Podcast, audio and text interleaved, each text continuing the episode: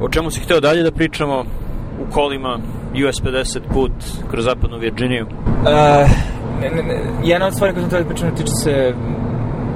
društvenih igara, ali tako, ali mislim da si ti spomenuo još jednu stvar, pa smo odlučili da pređemo na drugu stvar, samo što sam zaboravio koje stvari. Uh, dug je put pred nama, još puno stotina kilometara, možemo prvo u društvenim igrama.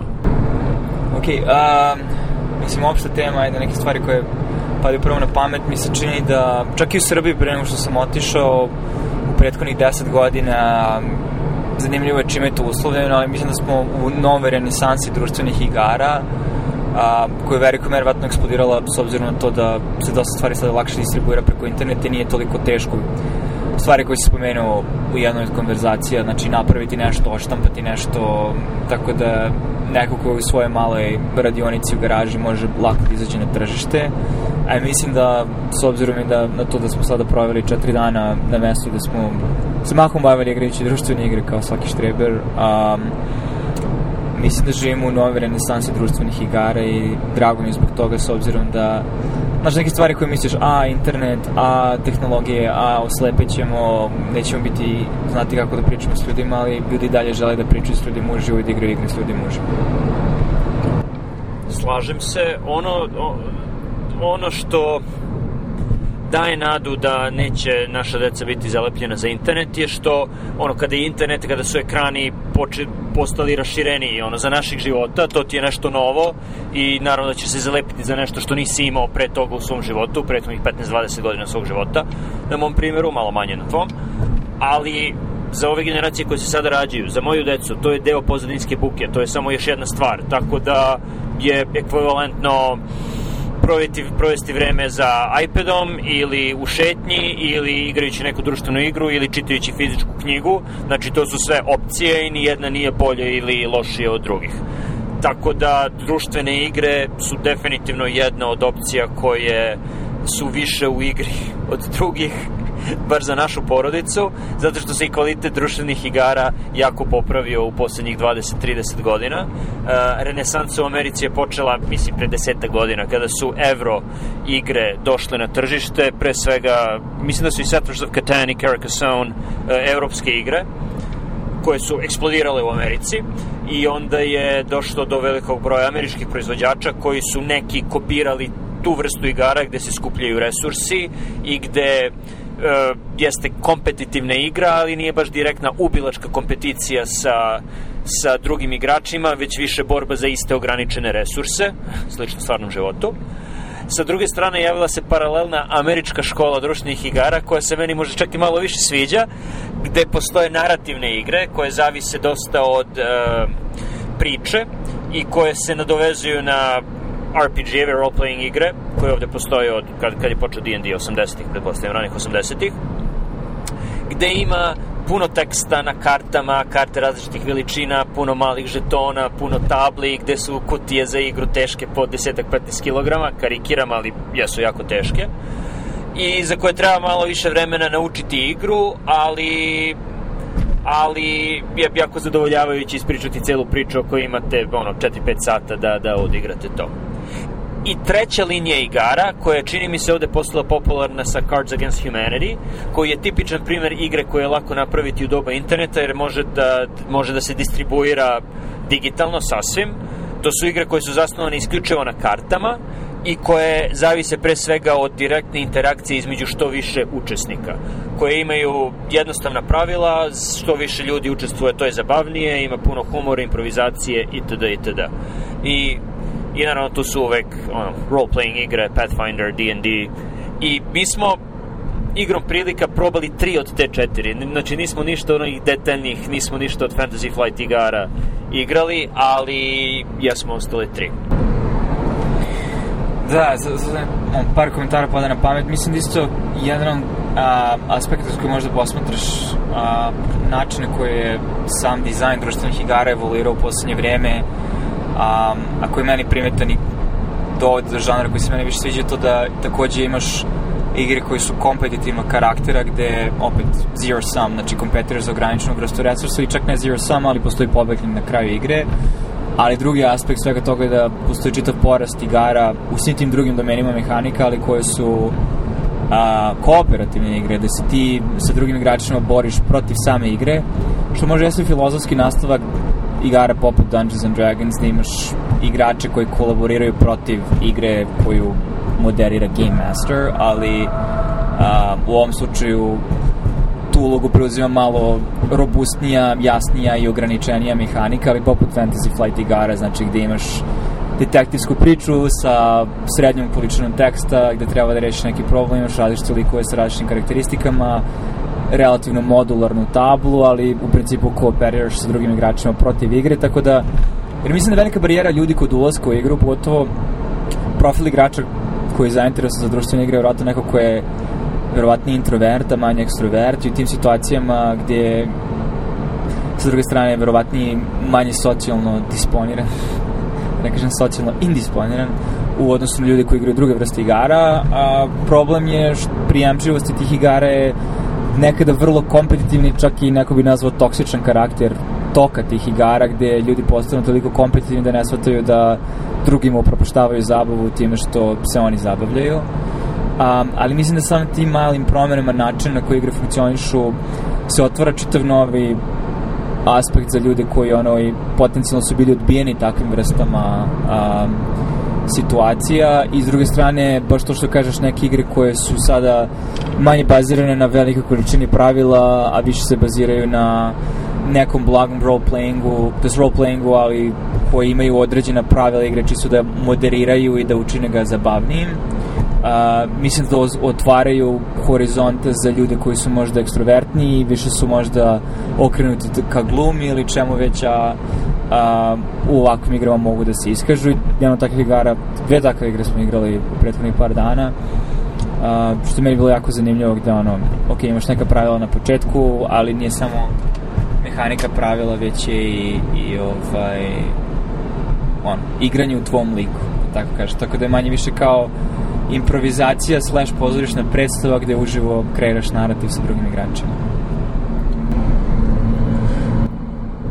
Tipičan primer e, kooperativne igre je naravno Pandemic, koji postoji u ono, 50 različitih varijanti. E, zanimljivo, inovacija na tom polju su legacy igre, gde to su igre koje počnu sa jednom tablom i jednim setom pravila i svakom sledećom igrom se tabla trajno menja i pravila se trajno menjaju u cilju pričanja neke priče. Tako da postoji Pandemic Legacy, gde počnete sa jednim virusom i standardnim, standardnim pravilima za regularni pandemic, ali kroz igranje virus mutira, različiti gradovi padaju, E, različite stvari se dešavaju, likovi umiru, menjaju se, tako da nakon 12 igranja, 12 do 24, pošto igra fiktivno traje godinu dana, za svaki mesec imate dva pokušaja, e, tako da za 12 do 24 igranja tabla je potpuno drugačija. I sada postoji još još tih igara koje su Legacy igre i to je neka kombinacija, može da se napravi Venn diagram različitih vrsta tih igara. Ove Legacy kooperativne igre su kombinacija klasičnih kooperativnih igara tipa Pandemic i ovih narativnih igara tipa Fantasy Flight igara. Ne znam koliko toga je dostupno u Srbiji, u stvari. Vrlo je dostupno i toga sam svestan zato što eto, neposredno prema što sam otišao ja sam bio u situaciji da sam I opet, mi, samo hoću napraviti mali komentar da se profil igrača koji igra ove igre polako menja mislim da veliki deo svega toga malo iskidanje predrasuda po pitanju igranja ovih igara gde su one rezervisane isključivo za opet socijalno čudne a, štrebere gde ono, ljudi koji su cool ili šta god ne igraju te igre a, mislim da drago mi da se ta, da se ta predrasuda skida, a u Srbiji konkretno, barem u mom rodnom gradu, znači u Pančevu, prema što ću otići, znači je bilo možda 2015. Već tada je bilo ono popularno um, imao sam tu neku ekipu drugara gde smo igrali igrali smo Arkham Horror, igrali smo, znači, mogu si da kupiš, da naručiš i nije bilo toliko skupo, znači, cene su bile uporedive, čak možda i malo niže, s obzirom da verovatno distributeri i proizvođači prilagođavaju cenu samih igara i on kupovnoj moći od lo lokaliteta, tako da su bile pristupačne u tom smislu, a baš u tom periodu, konkretno Pančevu, jeste se otvarao gaming klub, gde on imaš kao bar, možda naročiš, ne znam, piće, šta god, ali u isto vreme imaju oni neke svoje igre ili možda doneseš svoje igre gde imaš gomilu stolova da ljudi igraju. Tačno znam neki od mojih rođaka u prvih par godina dosta igraju, to je baš jedan od njih je ono Dungeon Master u svojoj D&D 5 kampanju. Tako da mislim da su i Srbiji dosta a, se popularizovali, mislim u velikoj meri kao rezultat interneta i toga što te sve stvari možeš da sad čitaš, gledaš na internetu to je super. Ono što me interesuje kako funkcioniše, pošto nikada nisam igrao ni D&D ni Pathfinder u Srbiji, kako funkcioniše prevod svih tih knjiga na konkretnu igru koja se igra u Srbiji? Da igraju na engleskom ili šta rade? Da, ne znam da postoje prethod, uh, prevodi ono, rule bookova, ono, pravilnika, uh, možda i da, ali mislim da u velikoj meri igraš mešan. Znam kako smo igrali Arkham Horror, znači Arkham Horror je sve na engleskom, ali ovaj, ti polu čitaš na engleskom, ali dok igraš konverziraš na srpskom sve vreme. Tako da kapiram da je kombinacija tih stvari. Tako da, da, neophodno ti je znanje engleskog da bi igrao dosta ovih igara, pogotovo oni koji se rotiraju. Mislim, za Katan ti ne treba engleski, Katan je isto popularan, um, ali za igre poput Arkham Horror ti treba, s obzirom da ima tekst koji se čita i osobine likova, mehanike koje zavise od teksta. Kada bih prevodio jednu igru na srpski, volio bih da prevedem Možda i hoću jednog dana. Twilight Struggle. Ne, pravo. Uh, volio bih da preve... Ovo je za 79 jugo, ovo je ako hoćeš da ideš u da, Charleston, tamo pravo. Fairmont. Okay. Fairmont i tamo ima jedan Primonti Brothers, znači to je bila opcija da stanemo, ovo je Morgantown. Ali ne, bolje da stanemo na onaj... Izdržat ću. Izdrži. Izvini, prekrišat Da, preveo bih uh, Twilight Struggle ili Sumračna borba, koja je igra za dva igrača, gde je jedan igrač uh, Amerika, drugi igrač je Sovjetski savez. Uh, igraju u periodu od 1946. do 1989. godine. Svaki potez je određeni broj godina i uh, tabla je mapa sveta. Karte koje ulaze u igru su različita istorijska dešavanja u tim periodima i to je nešto naj, najbliže i strategijski i taktički nekoj od pod navodnicima ozbiljnih igara na tabli tipa šah i go, ali mnogo zabavnije i sa mnogo više narativnih elemenata. Ali što se tiče same strateških i taktičkih elemenata, jednako je kompleksna, ako ne i kompleksnija od uh, tih igara. I, za razliku od njih, uh, približnije stvarnom životu, jer ono što ja volim u igrama na tabli je element šanse, verovatnoće i sreće. Mislim da generalno ne može da ima prave igre bez nekve, nekakve nasumičnosti i randomizacije. Bilo da su u pitanju kockice koje bacaš, bilo da su u pitanju e, žetoni koje izlačiš iz vreće ili kako god. Ali neka nasumičnost mora da postoji. Da, mislim, nemam nešto mnogo previše komentara, osim da mislim da mi je drago zbog sve rastućeg interesovanja za ovu vrstu a, razonode. Razmišljam da li to isto vreme je rezultat toga što ljudi imaju više slobodnog vremena i mogu da ga troše na različite načine, uključujući i ove koji, mislim, nemam ništa protiv igara na računaru, a, ali mislim da pogotovo za ljude u, nekim našim godinama gde želiš da napraviš malo sklop i socijalizacije, a da to ne mora uvek da bude fizička aktivnost ili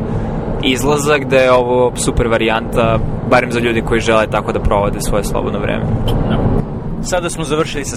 hvalospevima, prelazimo na cinični deo razgovora o igrama na tabli, jer mogu ti reći tačno zašto je došlo do eksplozije igara na tabli, naročito ovih vrsta koje se proizvode. To je zato što ljudi naših godina i stariji, koji generalno imaju afiniteta prema takvim igrama, su sada u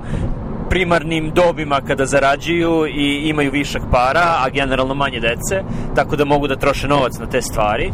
i opet cinični, cinični pogled na sve te igre na tabli koje se prodaju i da su sve one prodate tako da ne kupiš samo igru, nego se obavežeš da kupuješ i ekspanzije za te igre. I onaj i ne samo ekspanzije, već i različite metode organizacije različitih žetona, karata, različite e, vrećice za karte da bi ih sačuvao, različite umetke za kutije da bi bolje organizovao stvari u njima. I police da bi držao sve to i softver da organizuješ sve igre koje imaš na različitim policama. Tako da je jako dobra sporedna posljedica toga što imamo jako dobre igre u koje možeš da uložiš dobro,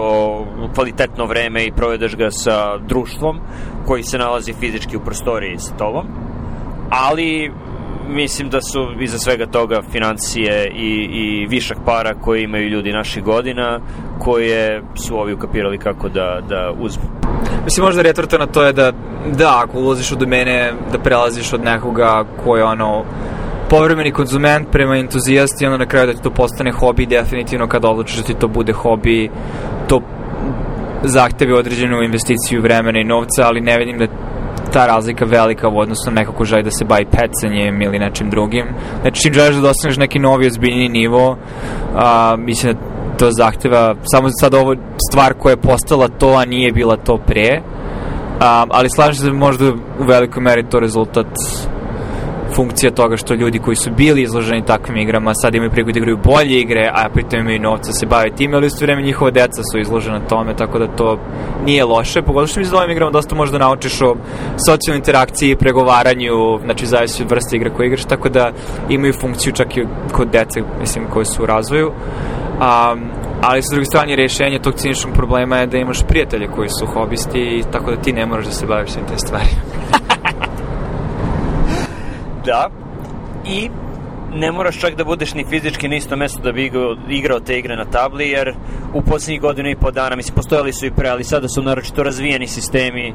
da i virtualno možeš da igraš igre koje imaš fizički, tako da postoje virtualne table i sad neko može da pita, ok, ali zašto, ali zašto ne kupiš kompjutersku verziju te igre, a ne da simuliraš igru na tabli na, u nekom softveru. Um, ne znam, ti si imao prilike, ja iskreno nisam igrao te virtualne table, kako to izgleda, ima li nekog smisla? Pa igrali smo virtualnu tablu za našu kampanju Pathfindera tokom pandemije i mislim da kao u većini slučajeva imaš prednosti i mane um, i da u zavisnosti od onoga što želiš da izvučeš iz svega toga um, možeš da znači odlučiš šta ćeš da radiš. Mislim da prenos na kompjuteru toga što dosta stvari možeš da automatizuješ i malo da dodaš nekog ono, u, da kažem, ne, ne, neke boje time što imaš, mislim, ako kada imaš tablu, imaš ono dinamičko osvetljenje, šta ti ja znam, ali sa druge strane, a, mana svega toga što nisi fizički sa ljudima i nekada je zanimljivije biti u istoj sobi s ljudima zato što jedete, pijete, zezate se zajedno A, tako da ja možda više naginjam kao ovoj situaciji gde ako postoji mogućnost da igraš igru uživo, treba iskoristiti, ali ako nikako ne možeš da igraš igru uživo, je to jako teško iskoristivo, vidim da postoji ono ekvilibrijum u kojem ima smisla igrati stvari na daljinu, jer bolje igrati nego ne igrati, jer on ima funkciju. Ne mnogo drugačije od onoga što smo pričali, tiče se teleposeta u medicini, gde i dalje će razgovor uživo biti najbolja moguća stvar, s obzirom da smo ljudska bića i treba nam ljudski kontakt, ali da postoji i vreme i mesto za stvari na daljinu koje imaju svoje ograničenje i sledeći nivo udaljenosti od konkretne stvari, znači imaš fizičku igru na tabli koju igraš sa ljudima koji su tu, onda imaš virtualne table, koje opet igraš sa ljudima koji nisu tu, koji su dalje od tebe. Treći nivo udaljenosti je da gledaš ljude koji se amaterski, poluprofesionalno ili profesionalno bave igranjem tih igara. Bilo YouTube vide ljudi koji igraju igre na tabli da bi vidio kako se nešto igra ili da slušaš ljude koji igraju Pathfinder ili D&D i to su obično poluprofesionalni, profesionalni glumci, komičari, scenaristi koji čine sve te stvari jako zabavnim. Toliko zabavnim da neki put ljudi radije troše vreme slučajući druge kako igraju igre nego da oni sami igraju. Pa da, ali mislim da tu važi ono geslo, mislim da da ti igranjem futbola ne sprečavaš sebe da uživaš u tome da gledaš profesionalce kako igraju futbol, tako da i jedno ne oduzima od drugog i čak mogu da se međusobno dopunjuju, jer neke stvari mogu te isti. Ili ono, igraš basket u dvorištu, ne znači da NBA će prestati da postoje ako ljudi odluče da igraju basket sami sa sobom, jer uvek je dobro gledati ljude koji su jako dobri u nečemu i primarno se bave time kako to izgleda, uvek je inspirativno i može tebe da inspiriše na, za tvoje buduće sesije, tako da mislim da ne vidim problem u svemu tome i mislim stvari da smo trenutno u tranzitornoj fazi gde da, iz poluamaterskih u zadnjih 50 godina, znači možemo da vidimo te stvari postaju sve ozbiljnije, jer hvala Bogu u Los Angelesu nema nedostatka glumaca, ima dosta glumaca bez posla, a oni koji imaju tendencije da a, vole da igraju ovakve igre mogu da nađu kombinaciju talenata da od toga naprave veliki posao kao što je grupa koju mi intermitentno pratimo i jeste uradila. Da, koji smo gledali ne jednom, nego dva puta uživo. Jednom pre, drugi put nakon znak pitanja pandemije, verovatno nije nakon, za vreme, a GCP Glass Cannon podcast koji bih mogao da preporučim ako nekoga interesuje Pathfinder i uvod u pravila, jer sada su već, ne znam, 300 i nekoj epizodi glavne kampanje, možda su već i završili glavnu kampanju, ja sam prestao da slušam pre par meseci i više. Ali možeš jako dobro da naučiš pravila i da, ono, čuješ kako to zvuči kada poluprofesionalci rade. Pa da, da čuješ kako ljudi koji dobro igraju tu igru igraju da bi imao ideju šta izgleda kao dobra igra. Znači, malo šale, malo podbadanja, ali u principu kooperacija sa zajedničkim ciljem, dobrog narativa i dobre zabave um, u svemu tome. Um, tako da da, samo ne znam, no, Pathfinder je u principu kao Dungeons and Dragons, svako ima svog lika u igri sa kampanjom u kojoj učestvujete godinama potencijalno. Mislim, mi definitivno učestvujemo. Tri godine. Um, ne zbog toga što mnogo igramo, nego zato što malo igramo i sporo napredujemo, ali opet je nešto što može se igrati diskontinuirano da se nastavi u bilo kom trenutku, ali um, okreće se oko toga da postoji jedna osoba koja je Game Master ili Dungeon Master koja je procesor čitavog sveta u principu ono što je bio kompjuter da neko igra koja generiše priču, narative i usmerava igrače, igra sve ostale likove osim igrača, a igrači sami po sebi imaju svoje karakteristike koje se međusobno dopunjuju, onda je zanimljivo što ima i element role-playinga a, kao jedan aspekt svega toga, a onda isto vreme element borbe koji je mnogo više taktički i strateški, a sve to fino ukomponovano i izbalansirano, što meni fascinantno, u principu funkcioniše kao software, jer ono, ljudi prave svoje homebrewove, ekspanzije, dodatna pravila, na određenim mehanikama koje su izbalansirane tako da nije sad kao ja zamislim nešto i to te tako može se stvori jer postoje određeno ograničenje, što čine stvari zanimljivim jer onda to stimuliše kreativnost pri rešavanju problema pričao, sad smo pričali o role-playing igrama, ali postoji puno YouTube kanala gde ljudi igraju u stvari igre na tabli. I to čak i duže traje, jer ja mislim da Will Wheaton to radi ono, 10, 12, 15 godina. Ti si pričao nekoliko snimaka i nekoliko igara koje znaš samo po tome što si gledao Will Wheatona kako to igra. Da, da, da. Mislim da ima 10 godina sigurno. Ne znam da ima baš 12, 15, ali definitivno u prethodnih 10 godina dosta YouTube kanala je izašlo sa takvim sadržajima, da preporuka za sve to stavit ćemo u show notes.